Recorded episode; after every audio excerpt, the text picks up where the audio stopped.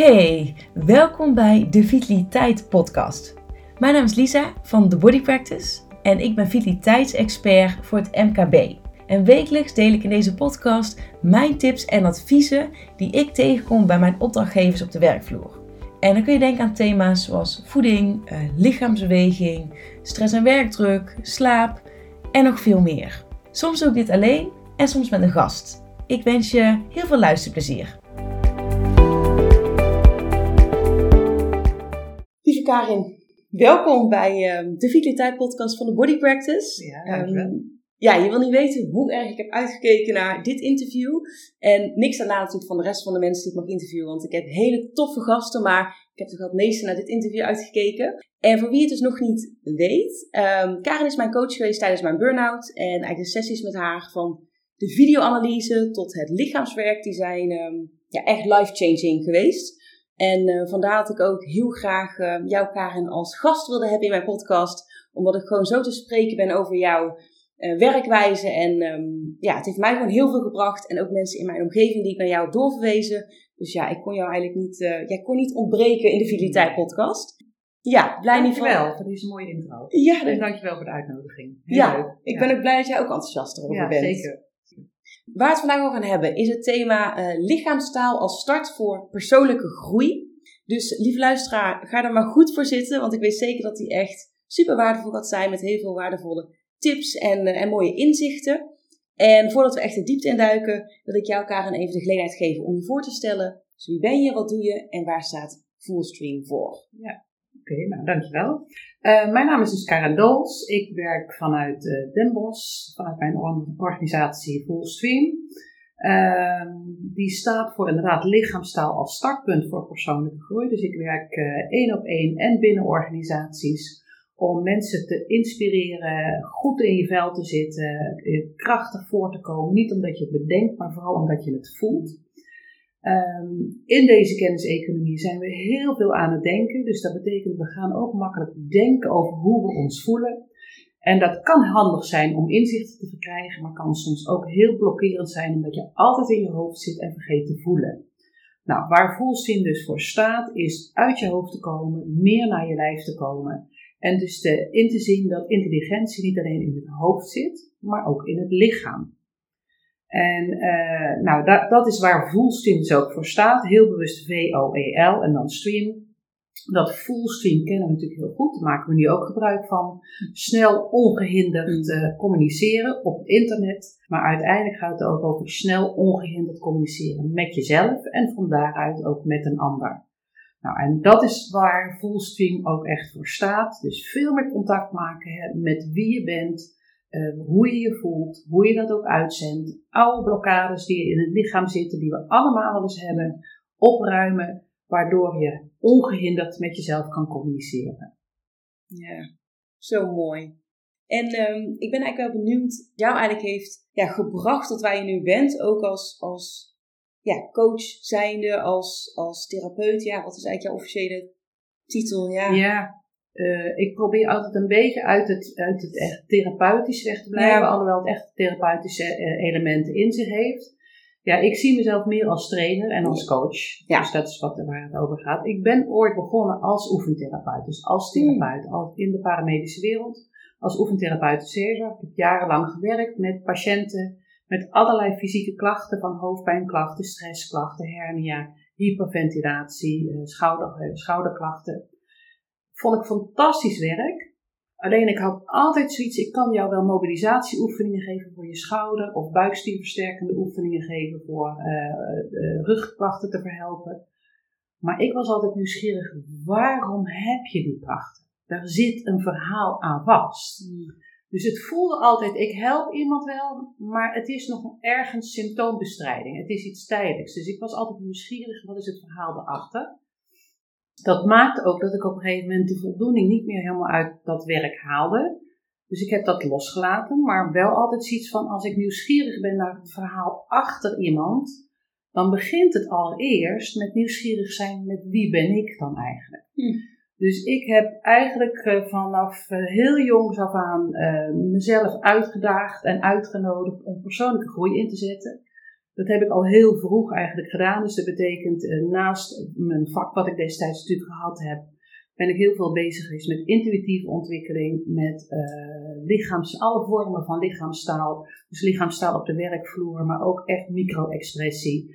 Ik heb de lichaamsgerichte psychotherapie gedaan, waardoor ik videoanalyses kan inzetten en met lichaamswerk aan de slag kan gaan, waardoor mensen uh, blokkades gaan voelen in hun lijf en die blokkades ook kunnen gaan opruimen. En zo heb ik mezelf eigenlijk door mijn eigen ervaringen, door opleidingen, door trainingen, door levenservaring uiteindelijk natuurlijk ook, heb ik een eigen methodiek ontworpen. Dat is dus Fullstream. En die methodiek die is eigenlijk gewoon heel breed. Er zijn heel veel verschillende ingangen, waardoor ik ook heel goed kan inzoomen op wie heb ik voor me en welke ingangen kan ik het beste inzetten om met die persoon zo snel mogelijk tot het doel te komen wat die voor ogen heeft. Dus dat betekent bijvoorbeeld in zelfvertrouwen in het leven staan, veiligheid hebben om gewoon mezelf meer te durven te laten zien. Het zijn allemaal thema's die daarin meespelen. Maar uiteindelijk gaat het dus over dat ik mezelf altijd uitgedaagd heb om persoonlijk te groeien. Dat betekent dus ook dat ik zelf alles wat ik in mijn methodiek neerzet, zelf heb ondervonden. Ik weet hoe het is.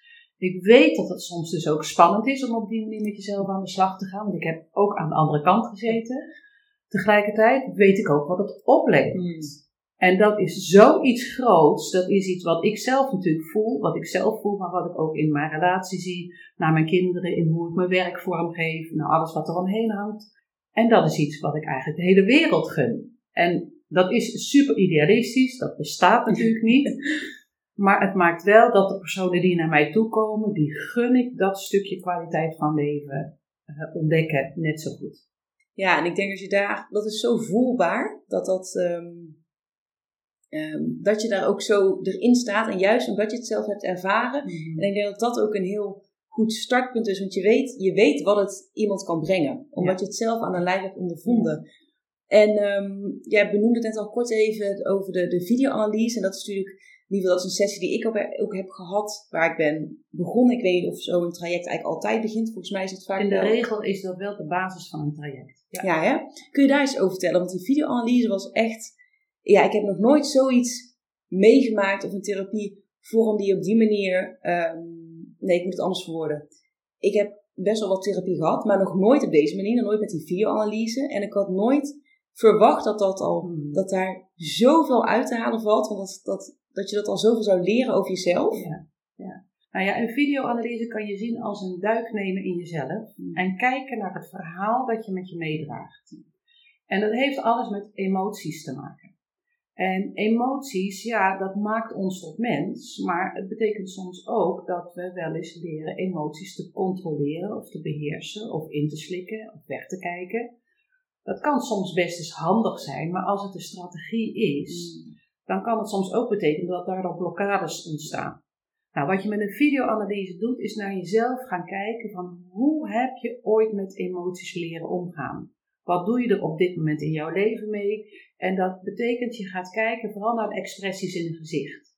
Dus een uh, videoanalyse kan je zien als een soort interviewtje wat we opnemen. En dat is een interview uh, of een opname van uh, alleen zeg maar gezicht, dus schouders en gezicht. En wat je dus doet, is uh, je gaat een aantal vragen, eenvoudige vragen beantwoorden. En je gaat vervolgens zelf terugkijken naar hoe je die beantwoordt. En dan gaat het niet alleen over wat je aan woorden zegt, maar eigenlijk vooral wat je met je gezicht vertelt. En dat geeft heel veel inzicht in waarom je iets doet of waarom je iets niet doet.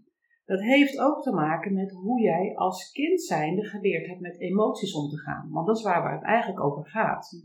We hebben allemaal een soort bedrading in ons lijf zitten, wat gaat over omgaan met emoties. En die bedrading wordt eigenlijk in de eerste vier, vijf jaar van je leven aangelegd. Dat is je basis. Mhm. En als jij als voorbeeld leert uh, als kind zijnde, ik moet mijn boosheid inslikken, mhm, dan kan het heel goed zijn dat die mond op slot gaat. En dat de kies op elkaar gaat en dat je boosheid voor je houdt, of in je lijf of op slot houdt. Wat best wel eens handig kan zijn, zeg maar, in een volwassen situatie. Als je, verzin maar even wat, in een functioneringsgesprek zit wat irritatie oplevert. Dan is niet zo handig op zo'n moment die boosheid te uiten. Maar het is wel voor een lichaam heel prettig om vervolgens die emotie die er zit kwijt te raken. Alleen als daar een bedrading onder ligt, ik moet boosheid binnenboord houden, want dan, daar zit dan kindherinnering dan op, want dan word ik lief gevonden door mama en ik ben flink door de ogen van papa. Dan doet een kind dat. Ja. En ook al denk je dan met je hoofd van ik moet die boosheid of frustratie, ik moet daar eigenlijk iets mee. Op het moment suprem grijp je altijd terug naar die allereerste bedrading die in je lijf zit. Dat is ook de reden waarom je makkelijk terug kan vallen in oude patronen. Ook al weet je met je hoofd dat je het niet moet doen. Want dat is vaak waar het over gaat. Je hebt het inzicht, je snapt wat je beter wel of niet kan doen. bijvoorbeeld boosheid binnenhouden heeft heel veel te maken met grenzen kunnen aangeven. Als je boosheid binnenhoudt, kan het heel goed betekenen dat mensen makkelijk over je grenzen heen gaan. Mm. En dat je niet aan durft te geven of aan kan geven, wat een onbestendig gevoel kan geven van frustratie of heel hoog in je energie zitten en vervolgens heel laag in je energie zitten.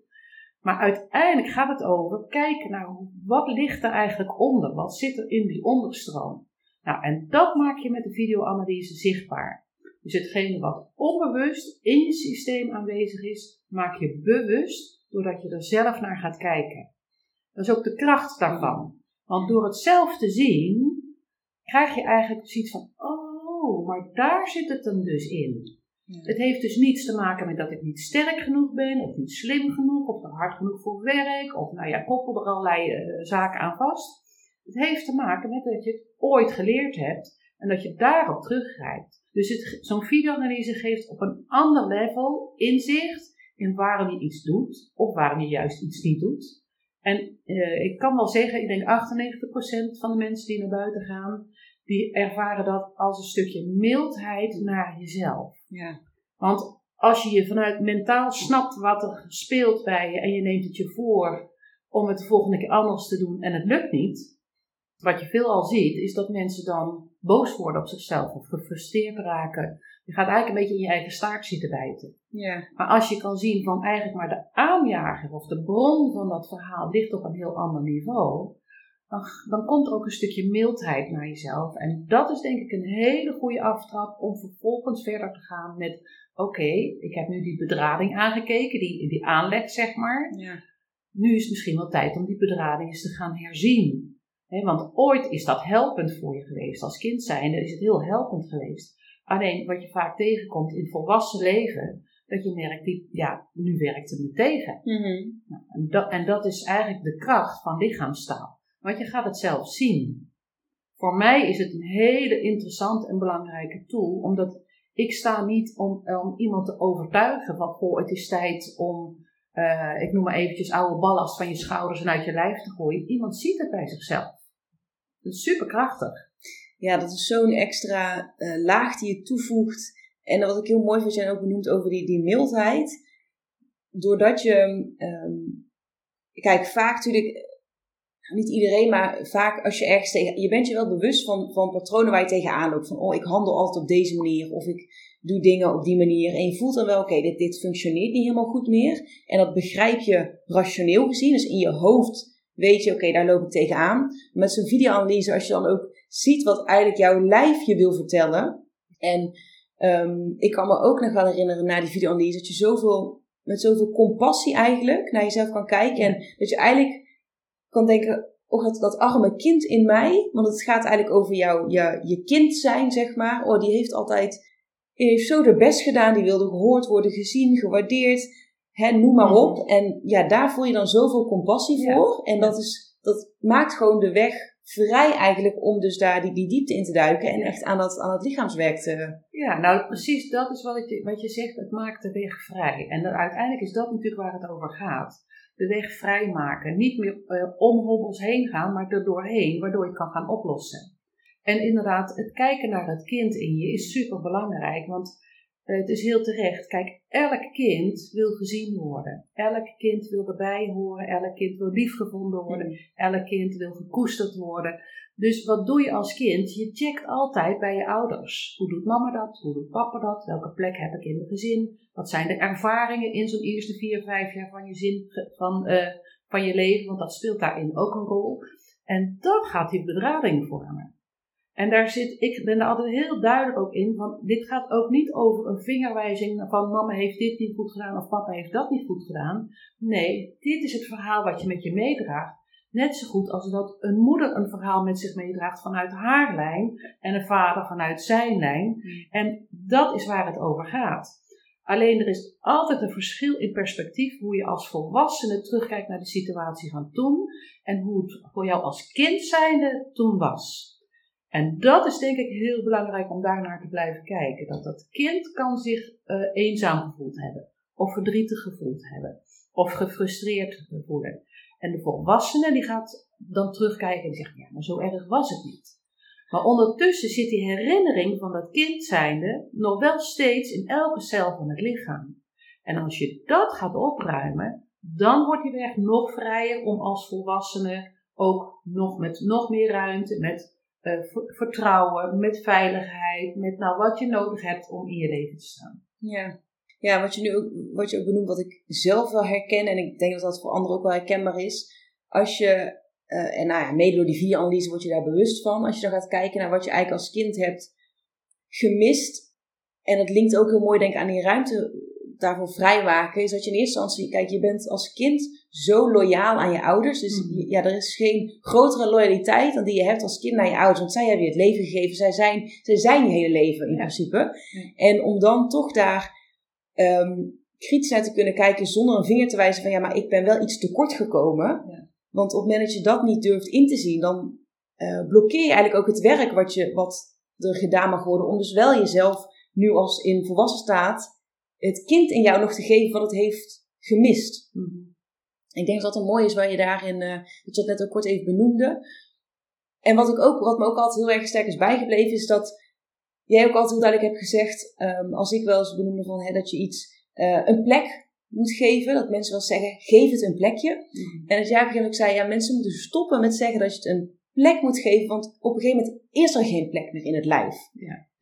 Ja, nou weet je, kijk, in eerste instantie is het natuurlijk helemaal niet zo gek. Hè? Als je gewoon echt vol in een gebeurtenis zit, dan ga je het even een plek geven. Alleen wat belangrijk is, is dat wat we vervolgens doen, is we gaan het met het hoofd verwerken. Mm. En vergeten datgene wat op dat moment nog even in het lijf zit, mee te verwerken. Ja.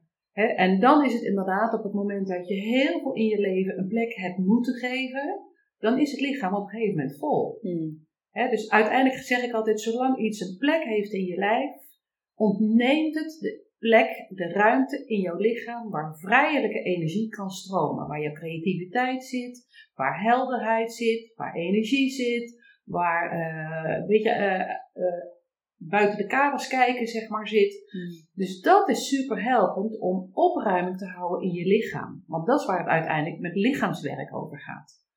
dat is waar het over gaat. Op het moment dat we veel een plek moeten geven, kan het heel goed zijn dat het lichaam zich ook echt belast gaat voelen. Wat je bijvoorbeeld kan zien in, uh, in een mimiek. Hmm. In ogen die dof gaan worden. Hmm. Of ik voel me heel erg moe en heel erg belast. Maar ik zet wel mijn kiezen op elkaar, want ik moet doorgaan. een doorzetter, een doorbijter, wat absoluut een competentie is, mits het niet ten koste gaat van jezelf. Hmm. Maar je ziet het zelfs letterlijk vaak. Hè? Ik bedoel, kies op elkaar, we op elkaar. Wat allerlei klachten geeft van inderdaad uh, knarsen, uh, oorsuizen, kaakklachten. Dat zijn allemaal dingen die ook emotionele aspecten met zich meedragen. En waar eigenlijk het lichaam, het lichaam wil je eigenlijk iets vertellen. Juist. En dat is eigenlijk waar het over gaat. Dat is, weet je, op het moment dat je kan gaan zien dat het lichaam niet tegen je werkt, maar voor je werkt, dan ga je er al heel anders naar kijken. We zeggen het helaas te vaak, oh, maar het lichaam werkt tegen me. Ja, het werkt ook niet mee, weet je, op die manier. Maar eigenlijk is het gewoon bij jou op de deur aan het kloppen. Hey, het wil je iets vertellen. En hoe langer je er niet naar kan luisteren dat het op de deur aan het kloppen is, hoe harder het moet gaan kloppen. Ja. En dat kan zich helaas ook in allerlei fysieke klachten uit gaan uiten, of ook mentale klachten. dat kan echt leiden tot burn-out klachten, tot gedeprimeerd zijn of in een depressie komen.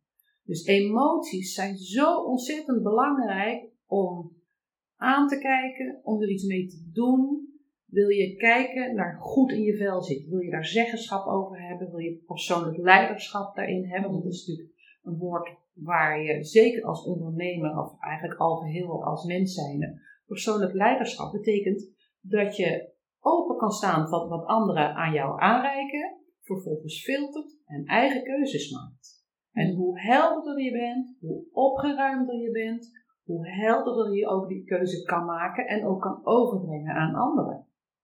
Ja, en, en kun je nog eens meer vertellen, we hebben natuurlijk nu kort over die videoanalyse gehad en wat daaruit voortkomt. Um, kun je nog eens meer over de rest van het lichaamswerk vertellen wat je ook in sessies gebruikt? Want ja. het voelde voor mij inderdaad ook echt als een combinatie van ja, verschillende zaken. Ja, in feite is de, de videoanalyse is eigenlijk het openen van het ingaan zien dat er blokkades in je lijf zitten, waardoor je met een bepaald thema bij mij komt. dat kan zijn, ik heb geen zelfvertrouwen, of ik voel me gedeprimeerd, of uh, ik zit inderdaad een burn-out of tegen een burn-out aan. Weet je, het is heel veelzijdig. Maar uiteindelijk waar het natuurlijk over gaat met lichaamswerk, is dat hetgene wat je met de videoanalyse gezien hebt, waar blokkades liggen en waar het mee te maken heeft, is dat je die ook gaat voelen in je lijf en die vervolgens ook gaat opruimen. Nou, dat is wat je met lichaamswerk doet. Dus dat betekent, je gaat in een hele diepe concentratie, daar begeleid ik je in. En je gaat bij je lichaam gewoon voelen. Oh, maar ik heb bij wijze van spreken, ik verzin me even iets. Uh, ik heb heel veel, uh, ik trek mijn buik en ik heb heel veel spanning rondom mijn maag. Of mijn ademhaling gaat omhoog, of ik krijg het koud, of ik bal mijn vuist, of ik ga mijn kiezen op elkaar zetten. Dat heeft allemaal te maken met een bepaald thema wat wij op voorhand afspreken. Dus je gaat, je gaat opruiming houden in je lichaam. Mhm. En daarin is het heel helpend om een piketpaaltje voor een, zeg maar, een eerste sessie neer te zetten. En dat doen we aan de hand van, ik noem dat een werkvraag. En een werkvraag kan bijvoorbeeld zijn, ik verzin me even iets, waarom hou ik mijn boosheid in? Uh, of waarom slik ik mijn tranen in? Of waarom durf ik geen grenzen aan te geven? Of waarom kan ik mezelf niet zijn? Weet je, dat zijn eigenlijk best wezenlijke thema's waar je mentaal gezien best antwoord op kan geven, want je weet waar het over gaat.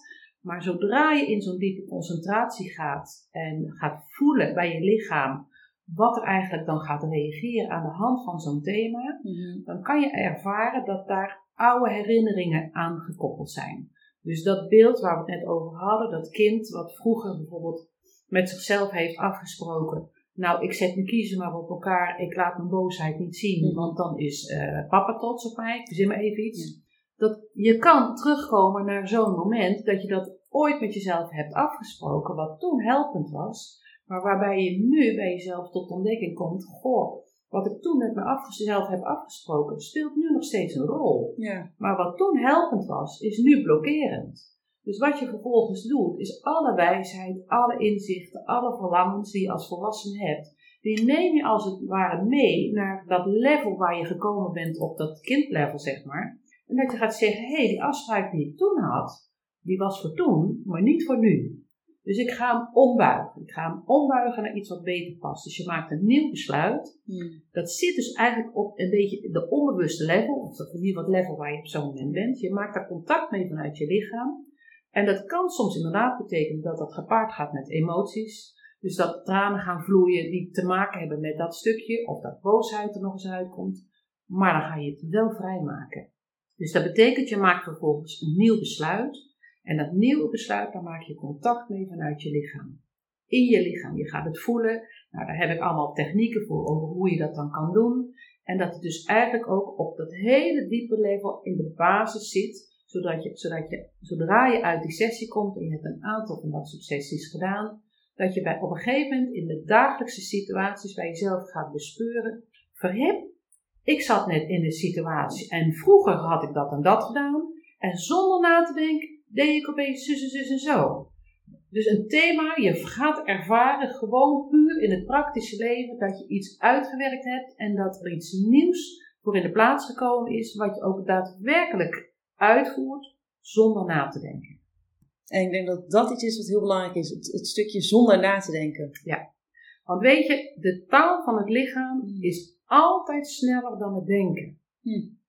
Dat is waarom het soms zo frustrerend is. De volgende keer ga ik beter mijn grens aangeven, of de volgende keer zeg ik dat ik het er niet mee eens ben, of de volgende keer zeg ik dat mijn agenda vol is en dat ik er echt geen tijd voor heb op het moment dat de vraag er komt en jij hebt geleerd, uh, ik moet niemand teleurstellen, mm. dan zeg je op zo'n moment toch ja. En dan denk je, oh, heb ik het weer gedaan. Het is altijd sneller. Ja. Totdat je hetgeen daar waar het begonnen is, gaat tackelen. Nou, en dat is wat je met lichaamswerk gaat doen. Ja, ik vind, ik vind het ook weer zo inspirerend als je er ook zo over vertelt. denk ik, ja, dat, dat is ook gewoon de kern en de basis. En nou, ik heb het ook wel eens vaak gezegd. Dan denk ik, ja, ik, ik gun ook iedereen om op deze manier... Ja, ik gun iedereen een Karin. Maar ik gun iedereen ook om op deze manier ehm, aan jezelf te werken. En wat ook wel heel... Um, wat ik wel mooi vind en belangrijk vind om te benoemen... en daar hebben wij het ook wel eens over gehad. Je hoeft ook niet vast te lopen om dit soort werk te verrichten. Het is niet nodig en vaak is het wel zo dat op het moment dat je ergens tegenaan loopt, dat je dan pas denkt, goh, misschien uh, moet ik hulp daarbij gaan zoeken. Terwijl, alles wat jij nu omschrijft, denk ik, hoe fantastisch zou het zijn als we dit gewoon eigenlijk in de basis aan onszelf geven. Want ik zie het echt als een cadeautje wat je jezelf mhm. geeft. Mhm. Um, en je hoeft dus niet te wachten totdat je vastloopt nee. om niet mee aan de slag te gaan. Nee, nee sterker nog, Weet je, hoe eerder je gewoon op die manier in de spiegel durft te kijken, ja, hoe, hoe meer profijt je er eigenlijk uit kan halen. Want het vergroot gewoon kwaliteit van leven. Uiteindelijk is dat waar het over gaat. Het vergroot kwaliteit van leven. En dat doet het voor jezelf, maar dat doet het ook voor de wereld om je heen. Want zodra jij vanuit lichaamstaal, vanuit lichaamswerk persoonlijk gaat groeien, gaat je energie veranderen. Want die gaat stromen. Weet je, we, kennen de uitdrukking wel eens, is een kleurrijk persoon. En een kleurrijk persoon kan volledig in het zwart gekleed zijn, hmm. maar dat is wel iemand die een bepaalde uitstraling heeft. Ja. En uiteindelijk is dat waar het over gaat. Wat zend je eigenlijk uit? En je vertelt ook heel veel zonder te praten. Hmm. Dus het is echt de kunst van maak daar goed gebruik van. Ja. En dat is waar dit, waar dit dus echt ook over gaat. Je hoeft echt niet eerst vast te lopen alvorens met jezelf aan de slag te gaan. Sterker nog, het, ja, ik heb het zelf altijd gezien. Ik vind het ook een uitnodiging. Ik, ik heb een gezonde nieuwsgierigheid naar, goh, wat is er eigenlijk nog meer? En als, als dat de ingang is, ja, weet je, dan, dan, ja, dan kom je misschien wel eens dingen tegen en denk oeh, wacht mm. eventjes, dat is... Um, maar tegelijkertijd, als je het kan oplossen en, uh, en je kan het tot een kracht maken of Misschien dat je weet van, oh, dat is mijn kwetsbare punt. Dan denk ik, ja, weet je, dat is een stuk zelfbewust in het leven staan. En eh, ja, dat is, dat is gewoon een hele prettige manier van in het leven staan. Ja. En dat betekent niet dat elke dag halleluja is. Hè? Want laten we wel wezen, je zou dan bijna denken, nou heb je alles opgelost, dus dan is het elke dag uh, feest. Nee, uiteindelijk gaat het ook over, kan je dienen met tegenslag? Hmm. Hoe doe je dat? Want tegenslag, of eens een keer een off-day hebben, of een, een flinke blokkade die je tegenloopt, of een, tegen, een tegenslag in het leven, ja, dat is leven. Maar hoe ga je ermee om? En hoe meer je zeg maar die bedrading, die meterkast noem ik het wel eens, de meterkast in je lijf zeg maar, hoe meer je die update, hoe meer je die opgeruimd hebt en future-proof gemaakt hebt, hoe beter je ook met tegenslag kan omgaan.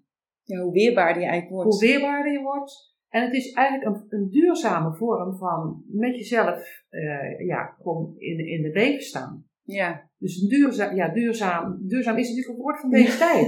ja. Het is natuurlijk een superbreed begrip. Ja. Maar duurzame ontwikkeling gaat ook over duurzame persoonlijke ontwikkeling. Ja. Nou, en dat durf ik wel te zeggen, als je op deze manier met jezelf aan de slag gaat, dan is het een duurzame persoonlijke ontwikkeling. Het is echt een investering die je in jezelf doet. En ik zeg altijd, investeren in jezelf verdient zich altijd terug. Hmm. En dus, dat verdient zich terug is ook heel breed. Het gaat niet alleen over bijvoorbeeld ondernemerschap neerzetten of financiën of wat dan ook. Maar het is, gaat ook over relaties, over gezondheid. Het is super breed. Ja, je hebt op, op alle fronten van je, um, van je leven heb je profijt van deze investering in jezelf. Ja. En ook de investering is ook weer in de breedste zin van het woord. Want natuurlijk, daar komt een financieel plaatje behangen. Maar ook de, de tijd die je investeert in jezelf beter leren kennen. Ja, dat, daar, daar, dat betaalt zich gewoon terug op alle mogelijke manieren. Ja, ja dat, dat, dat voel je gewoon. En of dat heb ik, ja, heb ik zelf net ook en dat heb jij zelf net ook ervaren. En wat goed is dat je ook zegt van weet je, je kan...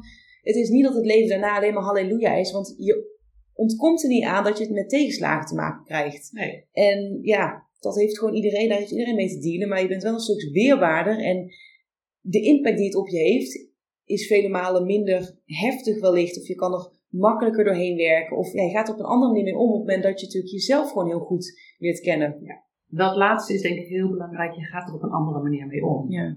Weet je, er zit een stuk zelfbewustzijn op. Er zit misschien ook jezelf eens kwetsbaar tonen. Makkelijker hulp durven te vragen. Of ook gewoon zeggen, nou, het is nu zo, ik voel me vandaag niet oké. En dat dat zo is. Want ja, weet je, dat gebeurt. Dat Mm. gebeurt mij ook wel eens. Wie, wie niet? Ja. Dat gebeurt overal wel eens. Je denkt, nou, ik heb ergens de balen van. Of ik ben eens een keertje boos, of ik ben chagrijnig. Ja, hey, that's life. Ja, Ja, ja. ja. Nou ja, en, en ehm, leg vooral net ook jezelf niet de druk op dat het altijd goed moet gaan. Mhm. Het hoeft helemaal niet altijd goed te gaan. Precies, ik denk dat, dat zoiets belangrijks is en dat dat ja, toch wel een beetje onder invloed van social media best wel gevoed wordt Mm. dat het altijd goed moet gaan of dat we het moeten bedenken. We gaan denken over hoe we ons voelen. Ja, weet je, het kan, het kan soms best tijdelijk even handig zijn, maar ik heb altijd iets zo van realiseer dat het soms ook een trucje is. Ja. Want denken over, over hoe je je voelt is heel wat anders dan voelen hoe je je voelt. En Mm. dat vraagt contact met je lichaam. Dat is waar dit dus over gaat. Connectie met je lijf, connectie met je lichaam. Wat is het mee aan het vertellen?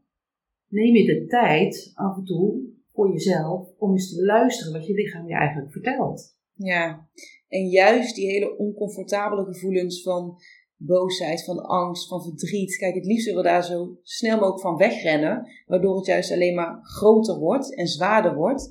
Maar juist door daar even bij te gaan zitten, ga er gewoon maar echt even letterlijk bij zitten en geef er even ruimte aan. En dat je dan eens kan zien, oh, ja, verrek. Of het neemt vanzelf wel weer af, of je ziet ineens, oh, het probeert mij iets te vertellen. Het probeert me ook helemaal niet Ja. dwars te zitten, het probeert me niet het leven moeilijker te maken. Ja, of inderdaad ook misschien wel eens een keer echt boos te worden op iemand. Maar boos zijn wordt heel snel gezien als dan ga ik ruzie maken. Hmm. Weet je, boosheid en verdriet wordt natuurlijk heel vaak geschaard onder negatieve emoties. En negatieve emoties, ja, daar willen we toch liever wat verder van wegblijven. In mijn beleving bestaan er geen negatieve emoties. Want boosheid is evolutionair super elementaire emotie. Ja. Want die gaat over leren grenzen aangeven. Boosheid gaat over tot hier en niet verder. Ja. En hoe langer je boosheid gecontroleerd houdt, binnenhoudt, niet mag hebben, niet mag uiten, hoe sterker boosheid daadwerkelijk kan gaan uitmonden in ruzie. Ja. Maar als je realiseert dat boosheid eigenlijk begint met een lichte irritatie, frustratie, dan word ik boos. En als die boosheid er niet mag zijn, ja, dan wordt het eh, woede, die we vaak gaan inhouden. En la- heel lang ingehouden woede betekent dat je eigenlijk doorgaat naar, dit gaat- maakt mij nu bitter. Hmm. Je ziet het soms wel eens bij mensen die bitter worden. Ja. En bitter zijn betekent eigenlijk, nou, ik geef het op, het heeft allemaal geen zin meer. Hmm. Het maakt allemaal niet meer uit. Maar dat is super zonde. Ja. Want dat doet iets, dat, dat doet iets met een energie. Dat, dat stagneert op de een of andere manier. Dus inzien dat negatieve emoties eigenlijk niet bestaan, dat is eigenlijk waar ik echt voor pleit. Alle emoties hebben nut. Hetzelfde geldt voor verdriet. Verdriet staat e- echt, als je evolutionair bekijkt, staat voor het verwerken van verlies. Hmm. Dus dat is belangrijk. Verwerken van verlies, dat begint eigenlijk al bij kleine kindjes. Ja. Als iemand het speelgoed afpakt, gaat een kind huilen.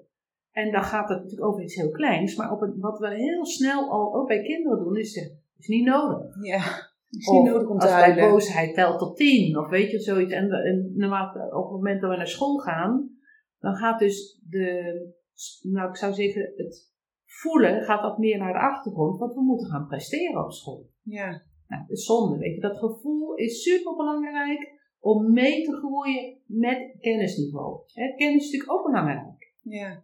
Het gaat over balans hè, tussen voelen en denken. Ja, want wat je eigenlijk nu, nu het ook omschrijft, denk je, op, op jonge leeftijd leren we eigenlijk al gelijk om emoties, om daar vooral geen ruimte aan te geven. Om het eigenlijk maar gewoon weg te stoppen van huilen. Oh nee, het is niet nodig om te huilen. Net als je boos bent, ja, tel tot tien en hou het even in. Ja. En, En- dat ja. vormt die berading. Ja. Dat is waar het natuurlijk eigenlijk over gaat. Dus kijk, je kan natuurlijk heel goed werken als volwassene aan eh, die bedrading herzien. Maar als je, als je het heel goed beschouwt, is het natuurlijk nog helpender om kinderen ook ruimte te geven aan emoties. Ja. En in te zien dat eh, boosheid, eh, verdriet, tranen laten lopen net zo belangrijk zijn als plezier maken en verrast kunnen worden. Ja, en dan wil ik nog even terugpakken wat je net zei. Dat, want dat vind ik ook een hele goede om daar even bewust bij stil te staan. Dat er bestaan geen negatieve emoties. Alle emoties hebben een, een plek, een ruimte, een moment van er zijn en dienen je eigenlijk ook. Ze hebben een functie Ja. en dat is puur evolutionair, zit dat er eigenlijk allemaal al in. Ja. Angst ook, het is uiteindelijk natuurlijk een vorm van waarschuwen van het lichaam dat er iets is.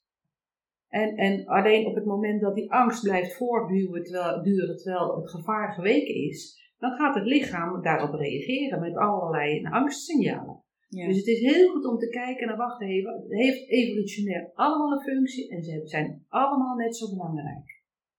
Alleen ja, wat wij gaan leren is dus inderdaad pijn weglachen. Hm. Dat gebeurt te veel. ja.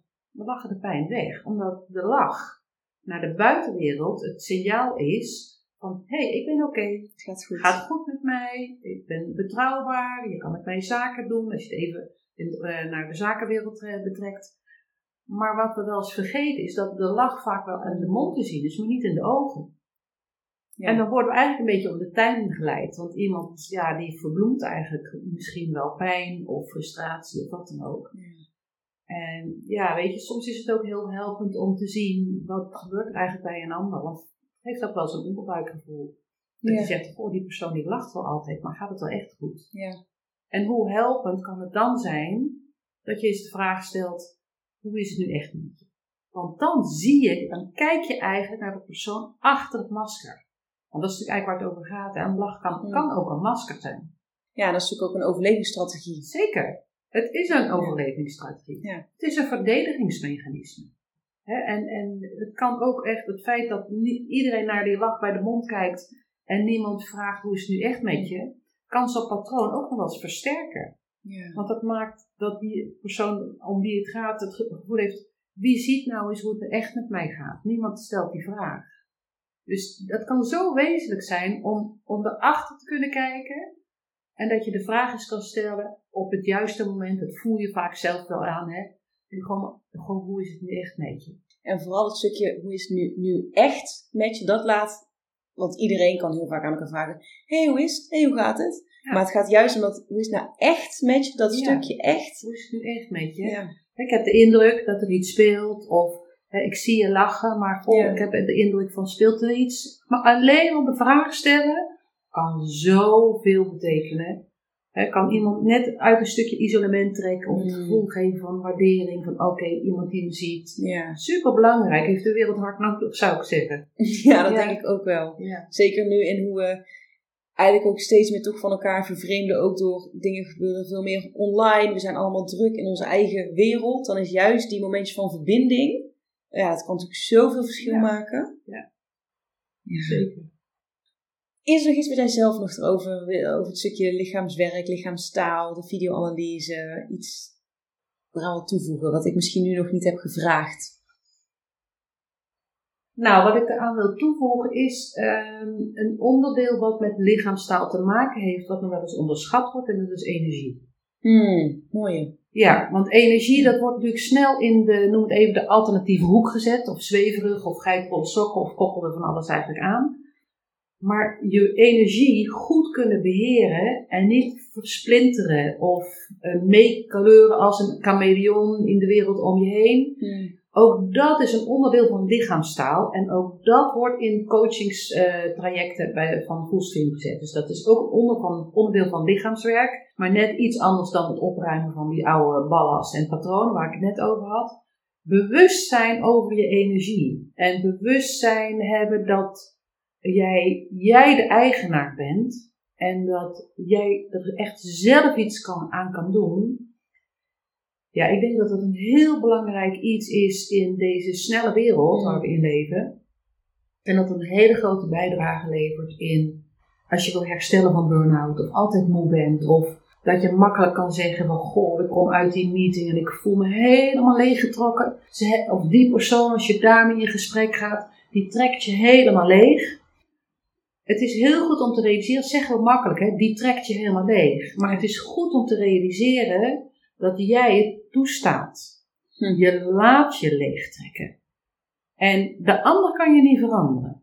Maar je kan er zelf wel iets aan doen. Dus dat stukje noemt even eigenaarschap of eigendom nemen. Of, nou ja, geef er een woord aan. Weet je, ik noem het echt van het, een ruimte hebben waarin jij je veilig kan voelen. Waar je vertrouwen kan hebben. Waar jouw energie kan blijven stromen. Is super belangrijk in het authentiek communiceren, je vrij voelen, kunnen doen wie je bent, je laten zien wie je bent. Uh, dus energie vind ik een heel belangrijk onderdeel om mee te nemen in persoonlijk ontwikkeltrajecten. En kun je daar nog, nog iets, iets praktisch aan toevoegen in het hoe? Of is dat, is dat nu niet mogelijk? ik kan me voorstellen, als je, als je het nu hoort, dat je denkt, ja, energie is heel belangrijk. En precies wat je aangeeft, dat je misschien de luisteraar zich wel herkent in, oh ja, ik voel dat ik aan het eind van de dag, aan het van de werkdag echt helemaal leeg ben. Of door een meeting leeggetrokken wordt of door een bepaalde ervaring. Is daar iets wat je een, een praktische tip zou kunnen geven nu ten aanzien van die energie? Hoe je dat beter zou kunnen bewaken of beter zou kunnen doseren? Of... Nou, als je het hebt over een praktische tip, dan zou je je kunnen voorstellen dat als jij in een meeting zit en je stelt je kijkt even van bovenaf vanuit een helikopterview zeg maar naar, moet even, ik, ik heb even zo'n beeld van een uh, grote tafel waar verschillende stoelen aan zitten.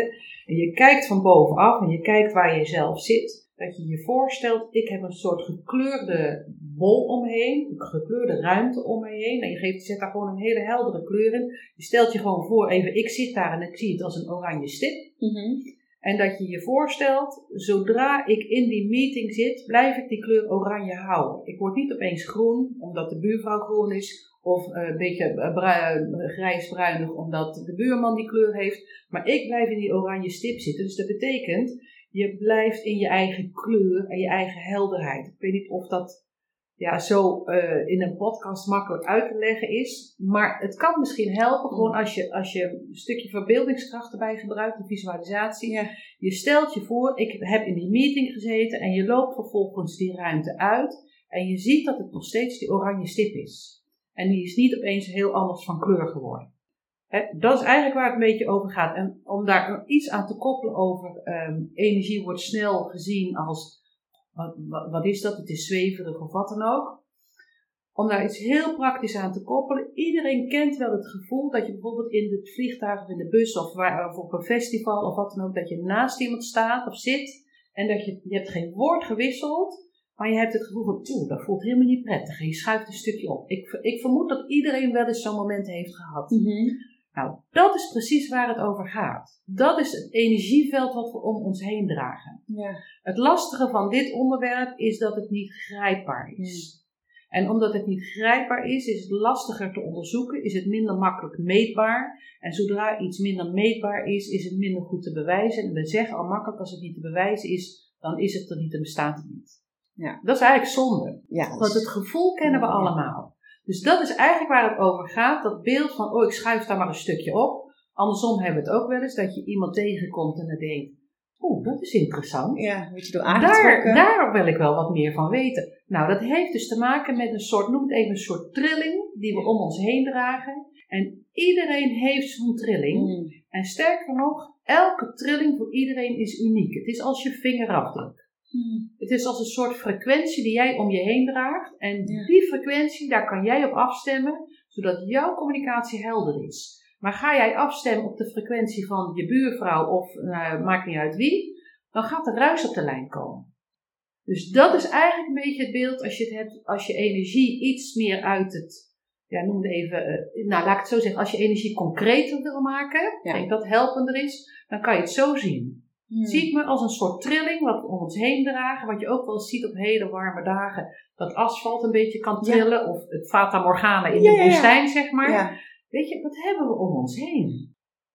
Alleen dat is iets wat we soms wel eens vergeten. Hmm. Maar wat ongelooflijk belangrijk is. En ook een onderdeel is van lichaamstaal. Ja, en het feit dat je het met je zintuigen niet kan waarnemen maar het gevoel wel. Want precies aangeeft, je, hebt, je voelt dat gewoon bij iemand. Of dat het een beetje afstoot. Of juist dat iemand een bepaalde aantrekking heeft. En je kan daar niet je vinger op leggen. Je kan dan waarschijnlijk niet specifiek benoemen wat het bijvoorbeeld aan iemands lichaam is. Maar dat is een gevoel. En dat, is, dat, dat heeft met die energie te maken. Het heeft met energie te maken en het is non-verbale communicatie. Ja. Dat is waar dit dus over gaat. Dit is non-verbale communicatie en die hoort er ook bij. Hoort ook bij persoonlijke ontwikkeling. Het heeft natuurlijk ook heel veel met charisma te maken. Waarom, waarom kan de een zonder een woord te spreken een heel publiek aan zich boeien en de ander niet? Ja. ja, dat heeft heel veel te maken met een stuk zelfbewustzijn over hoe kom ik over, maar ook zelfbewustzijn over hoe beheer ik, beheer ik mijn energie? Ja. Hoe maak ik contact? Sterker nog, hoe maak ik verbinding met mijn omgeving? Hè, Obama is daar natuurlijk een fantastisch voorbeeld van. Die, die kwam op een podium, die had geen woord gezegd, maar iedereen hing al aan zijn lippen. Ja. Waarom doet hij dat?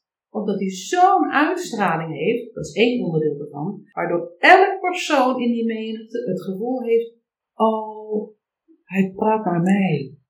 En als je, dat Ja. kun je leren. Dat wordt alleen maar sterker naarmate je ballast uit je lijf opruimt, er iets nieuws voor in de plaats zet, jezelf tot een kleurrijk persoon, energiek persoon ontwikkelt met ja, persoonlijk bijbeschap. Ja. ja, en echt gewoon heel steeds dichter bij jezelf en puur bij jezelf komen. En dat heeft, heel- ja, raakt ook heel erg aan die, aan die authenticiteit waar we het al eerder over hebben gehad. En waar ik nog wel tof vind, want je hebt het ook een paar keer over kleur gehad. Kleur speelt ook een belangrijke rol, hè? Kun je daar nog iets over vertellen? Ja, kan je er ook iets over zeggen? Uiteindelijk, kijk, als je ehm, een eh, waar je gaat ronddraaien, heel snel gaat ronddraaien, dan komt er wit uit tevoorschijn. Ja. Maar uiteindelijk bestaat wit uit heel veel kleuren. En eigenlijk kan je ook zeggen van, eh, die kleuren die zitten gewoon ook allemaal in mij. Ja. En ik werk ook heel veel met, goh, stel je voor, waar zit vertrouwen in je lichaam? Ik verzin even wat, dan, eh, dan ga je voelen dat, goh, vertrouwen, ik voel dat het in mijn buik zit, geef het maar eens een kleur. Het zijn visualisatieoefeningen en ga die kleur maar eens een beetje laten uitdijen aan de binnenkant van je lichaam. En laat het door je poren heen gaan in de ruimte om je heen.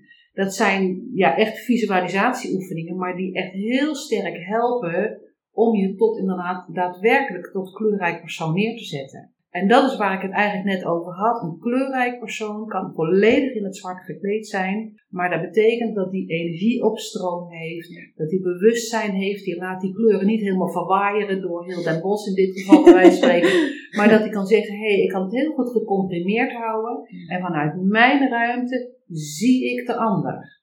En vanuit mijn ruimte kan ik zien wat jij nodig hebt, maak ik verbinding, eh, ja, ga ik met jou aan het werk. Dus dat is eigenlijk een stukje eigendom blijven houden over ja, een onderdeel van wie je, van wie je bent. Ja. Ik heb het gevoel dat we nu eigenlijk wel alles even weer rond hebben gemaakt. Ik weet niet hoe jij daar... eh, Nou, ik denk dat er heel veel kanten eh, aangestipt zijn Ja. en eh, belicht zijn. Ik, ik ben best, ja, weet je, ik, ik zit hier beelden te praten, maar dat zie je natuurlijk niet in een podcast. Ik, ik heb geen idee, ik hoop dat dit overkomt, al pratende. Ja. Voor een luisteraar. Want dat is natuurlijk toch wat anders dan dat je een gezicht of een beeld erbij ziet.